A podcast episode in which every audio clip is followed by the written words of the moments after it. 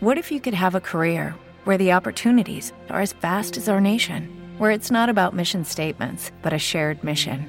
At U.S. Customs and Border Protection, we go beyond to protect more than borders from ship to shore, air to ground, cities to local communities. CBP agents and officers are keeping people safe.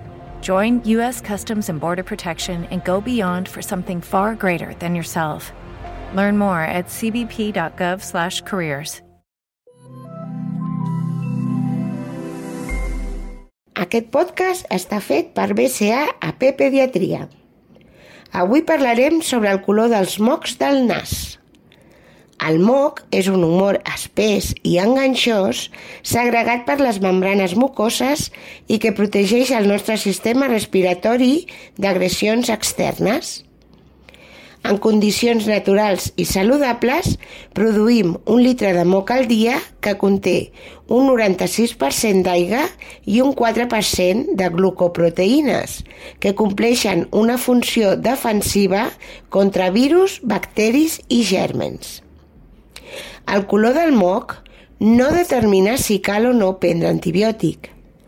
L'evolució normal del color del moc en un refredat passa pel transparent, blanquinós, groc pàl·lid i verd si es perllonga.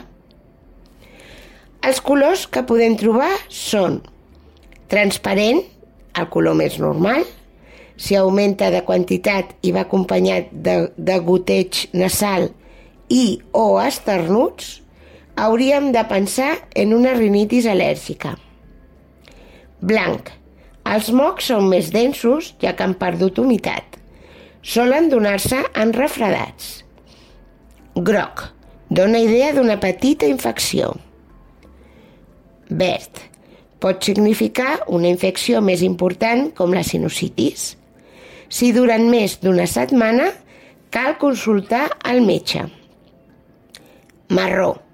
Podria ser una infecció pulmonar com una pneumònia. Negre per brutícia, nicotina, fum o per fongs.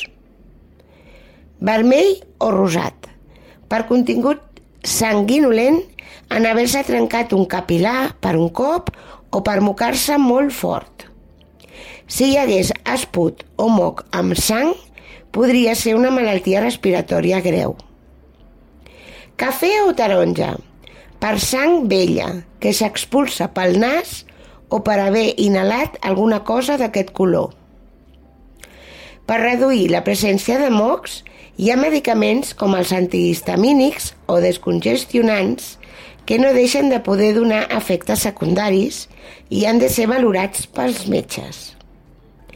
Les recomanacions més eficaces són la ingesta abundant de líquids per fluidificar el moc i evitar que s'acumuli, els humidificadors que afavoreixen l'excreció i suavitzen les mucoses nasals i la gola i la solució d'aigua de mar d'origen natural per eliminar mocs i impureses. Gràcies per escoltar-nos i molta salut!